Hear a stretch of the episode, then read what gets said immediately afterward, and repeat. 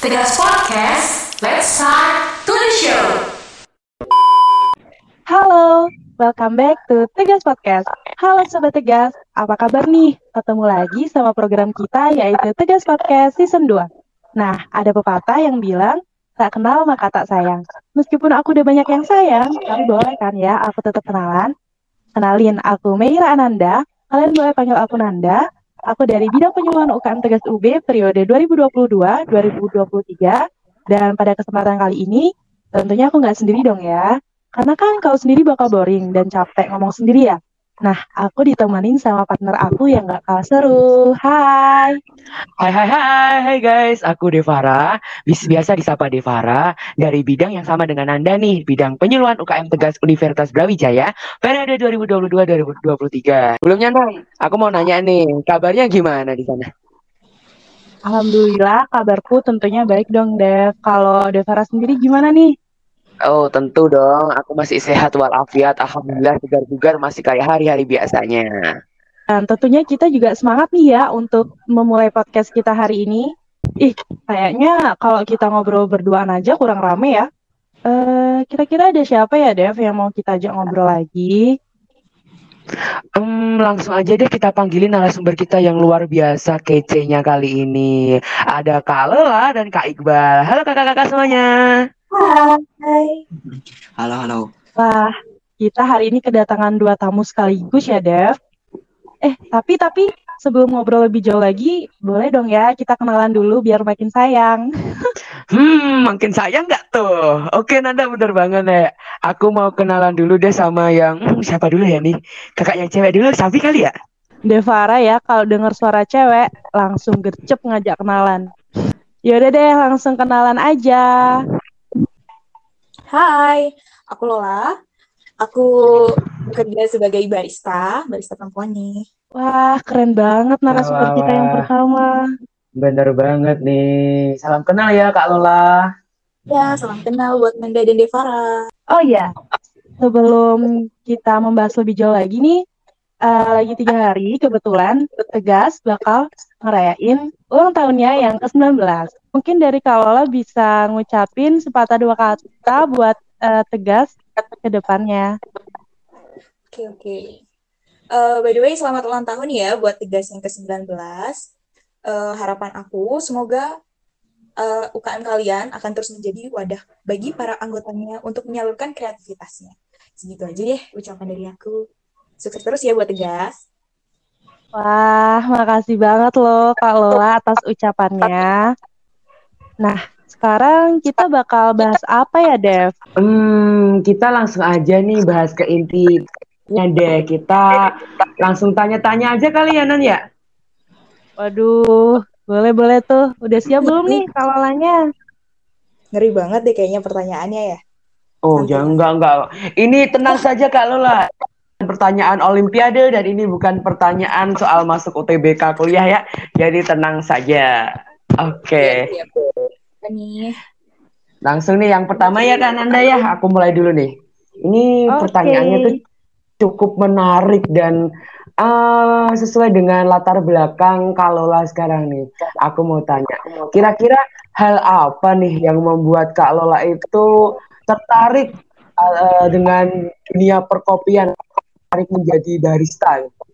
Oke, Eh, pertama sih kayak aku tuh nggak ada kepikiran sih buat jadi barista tuh sebenarnya nggak ada, cuma kayak ada keinginan besar gitu loh buat kerja dan eh, berawal dari aku yang suka hangout sama teman-teman nyari tempat kopi yang kayak Instagramable gitu. Sekarang kan banyak tuh, entah di Malang, di Bali, di Jogja, di mana-mana tuh sekarang banyak kan tempat kopi yang kayak Instagramable gitu.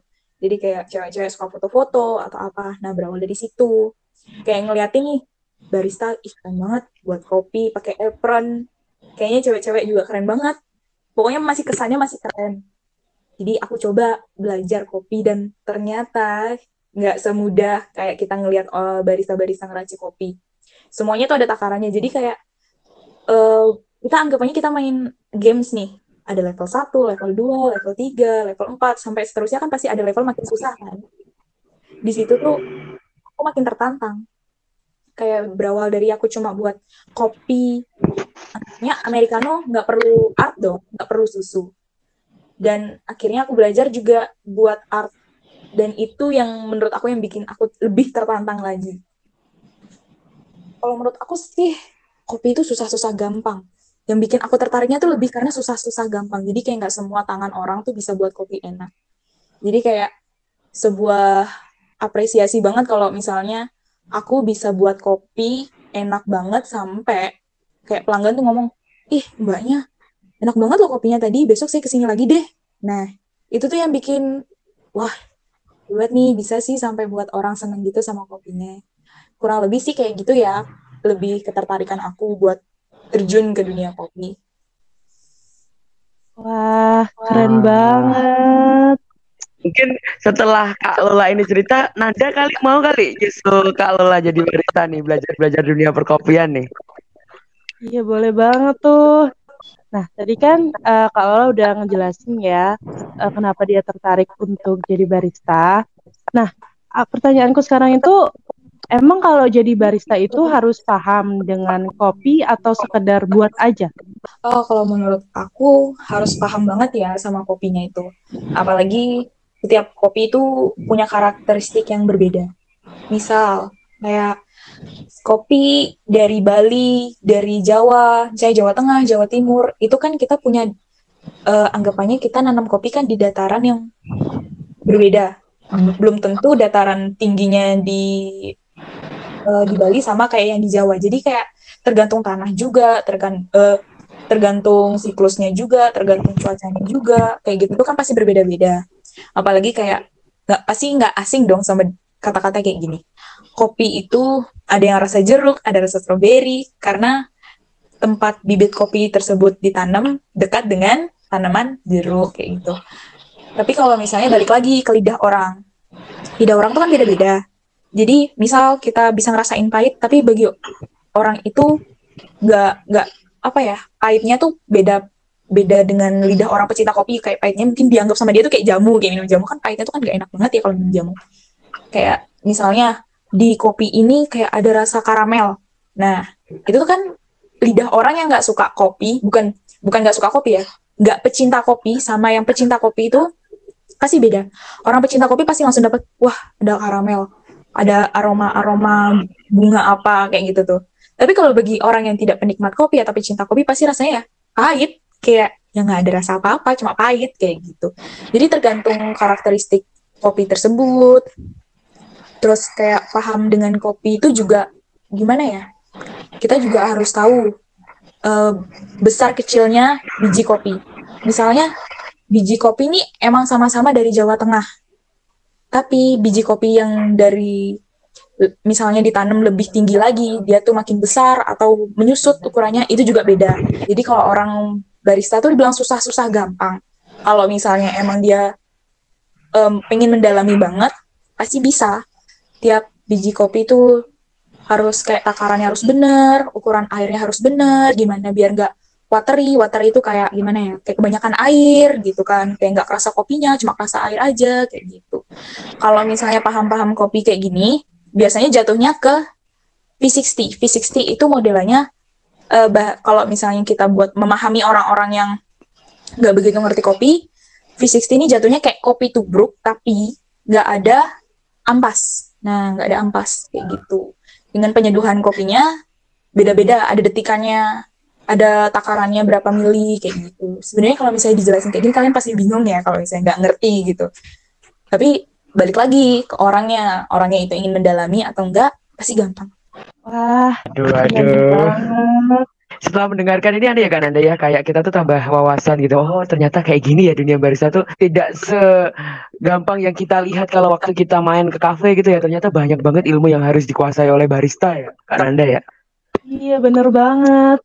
Ternyata ilmu dari barista itu udah masuk banget di dunia perkopian ya udah paham bener-bener paham Oke, aku langsung lanjut aja nih ya pertanyaan selanjutnya nih.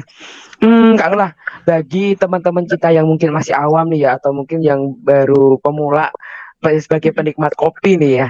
Kira-kira kopi itu ada tingkatannya nggak sih? Mulai dari yang terendah hingga kopi yang uh, istilahnya kalau uh, di warkop atau di cafe itu kayak strong gitu. Oh, kalau strong dan nggak strong tuh uh, kalau gini ya. Kopi setiap uh, tempat kopi itu kita tuh sebenarnya kopi itu nggak ada standar loh setiap tempat kopi itu beneran nggak ada standar kayak standar khusus. Jadi tempat setiap tempat kopi itu pasti punya standar yang berbeda. Jadi kalau misalnya ini strong strong soal strong atau enggak strongnya itu tergantung dari balik lagi cara pembuatannya, tangannya lagi. Kayak misalnya kalau kita kan ada nih namanya mesin grinder. Mesin grinder itu mesin penghancur biji kopi yang biasanya di kafe-kafe itu kan ada tuh mesin-mesin penghancur kopi. Nah, itu tergantung uh, ukuran apa ya kehalusan saat menghancurkan kopi itu juga. Jadi terus tergantung juga gimana cara tamping. Tamping itu neken bubuk kopi yang ada di pot. Jadi kayak ada pot buat naruh kopi, terus kita tamping. Itu kalau misalnya kita kencang neken pasti keluarnya bakal kental. Kopi itu bakal kental. Jadi tergantung lagi tangan. Kalau soal tingkatan-tingkatan itu ada, tapi jatuhnya tuh kayak cuma sekedar milih-miliannya ada tuh minta yang kak aku mau hot latte tapi double shot ya. Nah double espresso kayak gitu namanya. Jadi kayak dia mau distrongin lagi tergantung seleranya dia. Jadi kayak kita tuh pakai single espresso. Single espresso itu cuma 30 mili. 30 mili aja. Kita pakai 30 mili. Itu kalau standar internasional ya kalau misalnya balik lagi standar kafe tersebut ada nggak? Uh, 30 mili atau bahkan ada yang naruh 40 bahkan atau 35 bahkan kayak gitu. Tergantung biji kopinya dia juga gitu kan. Kalau kan biji kopi ini ada dua macam kan robusta dan arabica. Robusta ini kopinya pahit kopi pahit. Kan orang Indonesia nih suka kopi pahit kan. Beda sama orang luar negeri. Orang luar negeri itu suka kopi asam jadi kayak kalau misalnya kopi pahit ini pasti dijadiin apa ya cuma kalau di kafe-kafe itu biasanya cuma dijadiin campuran ya kayak dicampur gitu misalnya robustanya cuma 20%, terus sisanya lagi e, beberapa persen ditambahin sama arabica. Ah, kan Kak Lola tadi udah ngejelasin tuh panjang lebar tentang kopi, gimana kopi yang strong, gimana kopi yang biasa, standar kopi gitu kan. Nah, ada juga beberapa orang yang suka sama nggak suka kopi. Contohnya aku nih, aku sendiri tuh jujur ya, aku nggak terlalu suka kopi. Karena apa ya? Karena kalau aku sendiri yang minum kopi tuh, aku jadi susah tidur gitu. Dan mungkin juga lidahku nolak rasa perkopian ya, jadi ya nggak terlalu suka aja gitu. Nah, uh, aku punya pertanyaan nih sekarang buat Kak Ola. Mungkin ini bisa jadi pertanyaan terakhir ya. Apa sih menurut Kak Ola itu yang buat orang itu tertarik dan suka banget sama minum kopi? Hmm, tertarik dan suka minum kopi ya? pasti orang tuh nggak jauh-jauh nggak sih kalau misalnya dia uh, awalnya nggak suka kopi akhirnya suka kopi itu kayak punya kesibukan. Gimana ya harusnya aku nggak nggak ngantuk nih aku masih banyak tugas masih banyak kerjaan gimana? Kan sem, uh, kopi itu nggak nggak semuanya pahit. Kalau misalnya dikasih gula juga manis. Jadi kayak tergantung selera orang. Jadi ada yang pakai sugar atau brown sugar. Kopi itu kan nggak semuanya hot juga kalau misalnya kalian nggak suka kopi hot tapi dia kalian mau manis ada yang namanya frappuccino. Nah kayak gitu. Jadi tetap aja kalau efek kopi kayak gitu tuh mau dia es atau mau hot tetap aja dia punya efek yang buat orang nggak ngantuk. Jadi bisa melek melek seharian bahkan melek berapa jam gitu sampai nggak tidur tengah malam sampai susah tidur mungkin ya. Mungkin kak Nandanya pernah minum kopi malam-malam akhirnya nggak bisa tidur sampai pagi mungkin sampai begadang mungkin. Jadi kayak orang-orang yang pasti awalnya juga karena punya kesibukan jadinya dia suka minum kopi akhirnya kecanduan bahkan ada yang harus minum kopi setelah makan. Nah kayak kebiasaan kayak gitu tuh minum kalau nggak minum kopi setelah makan tuh kayak apa ya kayak ada yang kurang gitu kan. Dari situ tuh awalnya cuma nyoba lama-lama ketagihan akhirnya kecanduan akhirnya hari pun kalau tanpa kopi tuh nggak bisa. Bahkan ada loh yang kayak sampai pusing kalau nggak minum kopi kayak gitu tuh saking kecanduannya. Tapi kayak aku sebagai barista pun kayak nggak nggak melulu minum kopi kok. Kayak sehari itu pasti ada minum kopi sehari tapi itu secangkir kayak nggak sampai tiga cangkir bahkan uh, empat cangkir kayak gitu. Nggak karena aku juga gimana ya uh, sedikit mengurangi minum kopi. Udah banyak banget loh yang kita tanyain ke Kak Lola. Dan kita juga udah banyak tahu ya tentang kopi tentang barista uh, kenapa orang itu suka dan nggak suka sama kopi gitu. Mungkin Kak Lola bisa menyampaikan sepatah dua patah kata uh, closing statementnya dulu nih. Eh, quotes ya, apa ya? Mungkin kalian kalau butuh kehangatan, mending cari di secangkir kopi aja deh. Bener banget. Daripada galau sendirian butuh kehangatan, mending lari ke kopi. Bener banget. Mungkin sekarang eh, bisa ke narasumber yang lagi satu, karena kan kalau lo udah banyak banget nih ngomong dari tadi. Nah, kita sekarang kedatangan narasumber yang kedua yang luar biasa kece. Ada Kak Iqbal Raffi Aditya dari bidang penyuluhan UKM Tegas UB. Nah, mungkin sebelum masuk ke pembahasan sama kayak Kak Ola tadi, kan Tegas bakal ulang tahun ini Kak. Mungkin dari Kak Iqbal punya ucapan buat Tegas ke depannya bakal gimana gitu. Mungkin boleh disampaikan di podcast kita kali ini Kak. Dirgahayu UKM tercintaku, eh, UKM Tegas Universitas Brawijaya.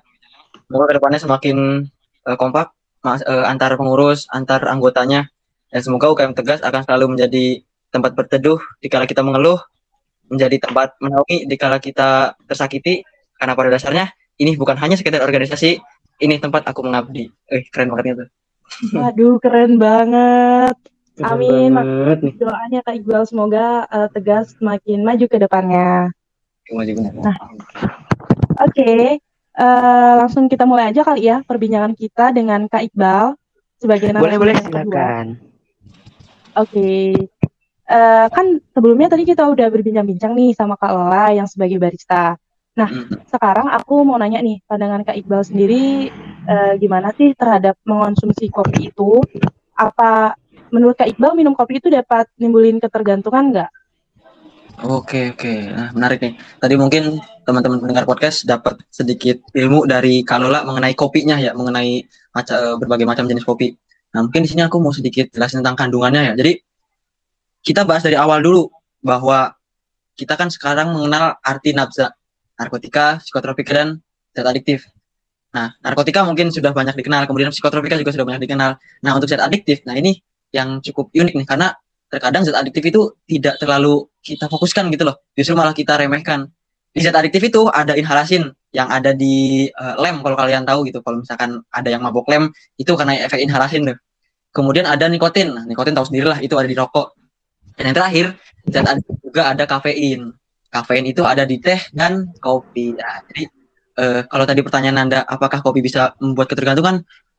100% aku bisa yakinkan bahwa sangat bisa membuat ketergantungan karena kandungan kafein sangat membuat apa ya ketergantungan, ketagihan, kecanduan bahkan. Jadi kita harus pintar-pintar memanage intensitas kita dalam mengonsumsi kopi sih. Gitu. Wah, gitu ya. Jadi eh, mungkin tuh untuk Devara yang tadi Hmm. eh, udah senang minum kopi, hati-hati loh Dev ketergantungan.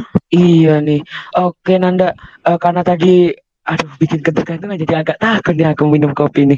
Mungkin kalau misalkan kita membahas ketergantungan ya Kak ya.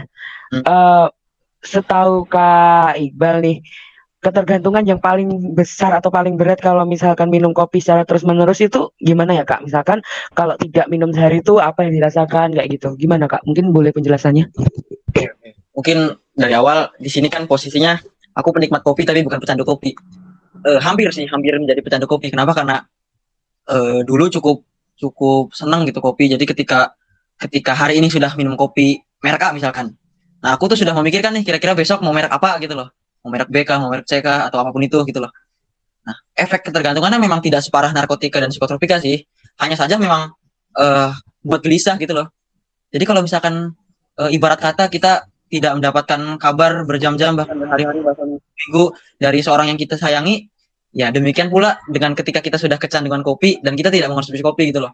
Bahkan banyak sekali orang yang ketika kecanduan kopi itu eh mereka bisa kayak minum obat gitu kopi itu. Jadi bisa tiga kali sehari, kemudian eh, bahkan bisa melebihi. Dan untuk efek-efeknya, nah kadang yang kecanduan kopi itu justru tidak menyadari efeknya gitu loh. Jadi benar-benar harus memanage intensitas kita dalam mengonsumsi kopi. Jadi harus dibatasin ya kalau minum kopi itu jangan berlebihan juga. Iya benar benar benar banget. Benar banget pokoknya deh. Hmm, Ya itu makanya apa namanya? eh, aku mau ngasih ini nih, penekanan nih, jangan sampai terutama cowok. nih. Cowok kan kadang senang nongkrong ke tempat kopian karena mungkin pengen ketemu baristanya, pengen ketemu waitersnya yang yang ya model-model kayak kalau gitu loh yang enak dipandang gitu loh. Nah, jadi jangan malah buat kita sering minum kopi. gitu loh. Jadi hati-hati lah kalau misalkan ia mau nongkrong ya ya minum yang lain lah air putih yang biar sehat gitu loh. Ya, harus dijaga kesehatan kita sendiri gitu loh. Oke, Ah, siap, siap, gitu siap. ya. Oh iya, eh, di samping ketergantungan minum kopi, terus kayak dampak yang dirasain dari minum kopi. Nah, kita kan sebagai mahasiswa nih, kalau misalnya eh, kita kan sering nongkrong ya, mungkin sambil buat tugas kayak gitu. Nah, eh, menurut Kak Iqbal itu baik atau enggak sih Kak sebenarnya? Oke, oke. Ini menarik nih karena aku juga sebenarnya melakukan itu. Eh, jujur aku akan sangat bilang bahwa itu tidak baik pribadiku ya. Karena gini, kopi itu menjadi kita melek, membuat kita tidak ngantuk, itu sakit sih, seriusan nggak bohong. Itu itu nggak nggak sehat gitu loh. Ketika kita lagi eh, mampet nih, lagi udah mentok nih pikiran kita, kita minum kopi biar relax lagi. Nah itu masih itu oke. Tapi kalau misalkan kita ngerjain tugas jam satu malam, jam 2 malam, dan kita minum kopi, kopi itu menjadi objek untuk kita nggak tidur, itu nggak sehat. Makanya pada dasarnya jam satu jam dua itu waktunya kita istirahat. Jadi eh, kalau misalkan kita minum kopi biar kita biar kita benar-benar bisa nugas malaman, aku saranin sih enggak sih, jangan sampai gitu gitu. Eh, kita juga benar harus pinter-pinter menentukan waktu di mana kita mengerjakan tugas, kita bekerja, kemudian kita eh, istirahat gitu loh. Tuh kopi kita jadikan objek untuk benar-benar menahan ngantuk sih, itu sangat nggak sehat sih. Itu sih kayaknya tadi aku. Wah, wah, wah, wah, wah, bener banget nih ya. Wah, ada berbagai berbagai pesan yang bisa kita ambil nih dari penjelasan tadi. Tapi memang benar sih yang dikatakan Kak Iqbal, jangan sampai kopi ini membahayakan diri kita sendiri gitu. Oke nih Nanda, kita langsung aja nih masih berhubungan dengan eh, minum meminum kopi nih Nanda. Boleh, Eh, ki- kita tahu nih ya, apalagi di sini kan Nanda cewek nih ya. Eh, kan biasanya kalau eh, cewek itu sering mood swing ya. Nah, kalau menurut Kak Iqbal nih, kira-kira kopi tuh bisa bikin eh, mood cewek atau mood siapa pun itu naik nggak? Atau menyembuhkan mood swing gitu? Jadiku pribadi ya, kadang ya ini perspektif bukan hanya dari cewek sih, dari cowok juga. Menurutku pribadi, sebenarnya ketika kita bad mood, ketika kita ya nggak nyaman gitu dalam me- apa menjalani aktivitas, itu sebenarnya kita butuh pelampiasan sih. Kita sana kopi, ya kopi akan sangat membantu gitu loh dalam hal meningkatkan mood. Jadi ketika kita memang lagi bete, kemudian kita biasa mengonsumsi kopi sebagai teman kita, maka kopi akan sangat membantu gitu loh. Jadi eh, benar-benar harus ini sih menentukan pelampiasan kita itu gitu loh. Karena kalau misalkan untuk meningkatkan mood ketika bad mood ya pasti kita mencari pelampiasan dan kalau misalkan orang yang sudah biasa mengonsumsi kopi, kopi akan sangat membantu gitu loh, Devara dan Anda. Itu sih kayaknya tidak. Wah, wah. Wah, Gimana nih? aku setuju banget Dev sama yang Kak Iqbal bilang tentang mood perempuan itu kayak relate banget sih sama aku serius. Nah, eh, kita balik lagi nih ya ngomongin kopi. Mungkin eh, dari Kak Iqbal, Kak Iqbal sendiri tuh gimana sih dampak eh, dari mengonsumsi kopi, dampak positif atau negatifnya itu gimana sih menurut pandangan Kak Iqbal sendiri? Oke, dari aku sendiri ya. Ini dari aku sendiri. Ini aku mungkin nggak tahu kalian sepakat atau enggak. Cuman dari aku sendiri. Kelebihan utama dari kopi adalah kopi merupakan teman yang tidak akan pernah berkhianat. Ngerti nggak maksudnya? Jadi eh, lihat deh bapak-bapak, ketika pagi hari baca koran, menikmati eh, sejuknya pagi, pasti ada secangkir kopi tuh di sampingnya. Kopi akan selalu menjadi teman yang tidak pernah berkhianat gitu loh. Kemudian ketika malam-malam, ketika ya itu tadi nugas gitu, nugas kita butuh hal yang benar-benar bikin kita tenang. Kopi akan selalu menjadi teman yang tidak pernah mengkhianati kita. Itu menurut eh, apa namanya menurut pendapatku ya. Namun kalau misalkan tentang kesehatan, nah ini kita eh, cukup serius nih kita mulai membahas tentang ilmunya. Untuk manfaatnya ini aku eh, pernah eh, lihat baca-baca literasi gitu dari eh, salah satu ahli bedah di Rumah Sakit Hasan Sadikin di Bandung. Beliau tuh pernah mengatakan bahwa kopi itu bisa menurunkan berat badan karena kafein itu bikin metabolisme tubuh kita meningkat. Nah, ketika metabolisme tubuh kita meningkat, maka itu akan membantu tubuh kita dalam membakar kalori. Nah, jadi itu bisa mengurangi berat badan. Kemudian positifnya lagi bisa menahan eh, kantuk. Ya tadi itu kalau misalkan kita eh, nugas kemudian ngantuk, kadang-kadang banyak yang minum kopi biar nggak ngantuk. Ya bisa bilang itu positif lah karena pada akhirnya kita nggak tidur gitu loh. Dan yang kedua, eh dan yang ketiga yang terakhir itu kopi ya itu benar-benar jadi eh mood buster gitu lah kalau misalkan bagi orang-orang yang memang sudah sering mengonsumsi kopi. Namun dampak negatifnya, dampak negatifnya itu cukup bahaya juga sih. Ketika kita eh, mengonsumsi kopi secara berlebihan, asam lambung naik, kemudian hipertensi bisa naik, kemudian eh, apalagi sih? Inso, eh, bisa insomnia tuh, bahaya tuh. Kalau misalkan kita minum konsum eh, mengonsumsi kopi terlalu banyak, kita emang nggak tidur, tapi jatuhnya nggak tidur, nggak tidur, nggak tidur. Pada akhirnya insomnia itu bahaya banget itu. Jadi makanya benar-benar harus memanage intensitas minum kopi sih. Jadi eh, kopi baik kalau misalkan memang dikonsumsinya pun secara baik gitu loh, tidak berlebihan. Eh, tadi juga kan kalau lo bilang yang berlebihan nggak baik gitu loh. Ya bener banget itu. Kopi kalau dikonsumsi yang secara berlebihan sangat-sangat tidak baik itu sih. Setuju, setuju dari Kak Iqbal dan Kak Ola tadi ya. Kalau konsumsi apa pun yang berlebihan itu nggak baik gitu. Wah, banyak banget nih Nanda. Kita udah dapat mulai dari bagaimana cara uh, membuat kopi, bagaimana cerita seputar dunia perkopian dan barista. Wah, intinya banyak banget nih. Tapi Nanda, sebentar deh, ada yang lupa nih kayaknya. Mungkin Apa dari dari Kak Iqbal ada closing statement dulu nggak sebelum kita menutup podcast kita yang luar biasa pada kesempatan kali ini? Ini adalah eh, ketika kita tahu bahayanya kopi, itu bukan berarti kita melarang kopi gitu loh, tapi ya sebisa mungkin kita benar-benar mengatur eh, cara kita minum, banyaknya kita minum kopi gitu loh. Jangan sampai eh, malah jadi stres tuh gara-gara kita apa namanya? hmm, benar-benar menahan diri dari kopi gitu loh. Enggak kok kopi, kopi tidak seberbahaya itu sebenarnya. Kalau misalkan benar-benar kita mengonsumsinya dengan cara baik gitu loh.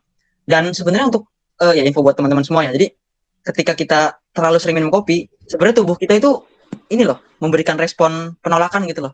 Jadi eh, coba aja deh kalau misalkan kita minum kopi tiga kali sehari, empat kali bahkan atau lebih dari itu, tubuh kita tuh mulai pusing, kemudian mulai mual-mual. Nah itu tuh sebenarnya udah masuk respon penolakan tuh. Jadi untuk teman-teman kalau misalkan mengonsumsi kopi eh, mungkin secara berlebihan dan ketika tubuh mulai eh, mengeluarkan respon penolakan, itu kalau bisa mulai di stop aja dulu. Kemudian mungkin beberapa hari mulai konsumsi kopi lagi secara teratur, jangan jangan yang berlebihan gitu loh.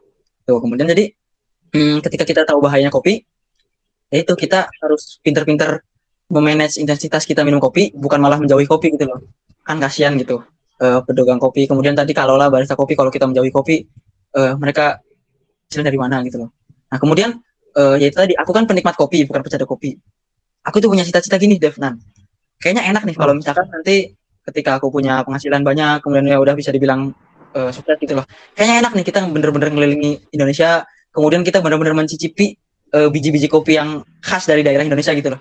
Ya dari Sabang sampai Merauke, tahu lah Indonesia tuh kaya banget akan akan keindahan fa- flora dan fauna termasuk dari biji kopinya gitu loh. Dan sekarang juga kita kenal tuh yang namanya kopi luwak, tapi hanya eh, versi saset gitu loh. Kan kita nggak ya jarang banget gitu mengonsumsi kopi luwak secara langsung. Nah itu kayaknya enak banget tuh cita-citaku. Nanti kalau udah sukses keliling Indonesia nyobain kopi ini kopi itu gitu loh. Nanti bisa mampir ke Bali ke rumahnya Nanda sama ke rumahnya Lola. Ntar minum kopi Bali menikmati indahnya pantai Kute. Kan nikmat banget tuh kayaknya. Kayaknya itu enak banget sih. Ya nggak sih? Ya nanti kita cobain. Wah, keren nih impiannya. banget. Iya, bisa menginspirasi Wah. kita ya, Dev. Bener banget wah seru juga loh impiannya kalau emang bener-bener terwujud itu wah incredible. Iya. Amin, amin semoga terwujud ya. Amin, amin, amin. Impiannya Kak Iqbal. Wah, kita udah ngobrol panjang lebar nih ya, Dev. Udah nambah banget wawasan kita di dunia perkopian kayaknya nih. Nah, mungkin eh, dari tadi kita udah ngobrol ya sama Kak Ola, sama Kak Iqbal. Mungkin eh, perbincangan kita kali ini mungkin udah lebih dari cukup ya, Dev. Udah banyak banget ilmu yang kita dapetin. Bener banget nih Nanda. Maka dari itu di sini ada aku Devara dan Nanda. Kita pamit undur diri. Podcast kita untuk kesempatan kali ini cukup sampai di sini dulu ya para pendengar semuanya. Oh iya, sebelum nutup kita belum bilang eh, makasih loh sama Kak Iqbal. Oh iya ya Allah sampai lupa mohon maaf. Aku dengerin. Nah, Kak Iqbal udah ngejelasin dari tadi, udah jadi mau jadi narasumber ya di podcast kita kali ini. Mungkin eh, beribu-ribu terima kasih ya Kak Iqbal atas Yap, ilmu dan terima kasih. waktunya. siap siap juga ya makasih banyak udah ngasih kesempatan aku untuk jadi narasumber ya semoga Iya Kak Iqbal. mau belajar lah kita dari podcast ini makasih semuanya. Ya, Thank you terima juga, kasih Kak Kak Iqbal. Terima kasih Devara udah mau nemenin aku berbincang malam ini di podcast. Wah, sama nih Kak Nanda. Eh, Nanda, terima kasih juga nih nggak bosan-bosannya. Oke, kalau da- kalau begitu stay tune di episode selanjutnya teman-teman ya. See you next time. Bye, bye, bye. Bye. Dirgahayu buat UKM Tegas Universitas Brawijaya yang ke-19 sebagai wujud partisipasi dalam menanggulangi penyalahgunaan narkotika pada tanggal 26 Juni 2003 resmi dibentuk sebuah unit kegiatan mahasiswa di Universitas Brawijaya bernama Tim Penanggulangan Penyalahgunaan Nafza dan HIV AIDS atau disingkat dengan nama Tegas. Tepat pada Minggu 26 Juni 2022, Tegas telah menginjak usia yang ke-19 tahun. Selamat ulang tahun UKM Tegas yang ke-19. Terima kasih telah menjadi wadah bagi para anggotanya untuk menyalurkan kreativitasnya. Semoga akan terus bermanfaat bagi lingkungan Universitas Brawijaya dan lingkungan masyarakat sekitar dan semoga terus menjadi organisasi yang semakin maju dengan program kerja yang berkualitas. Salam tegas luar biasa.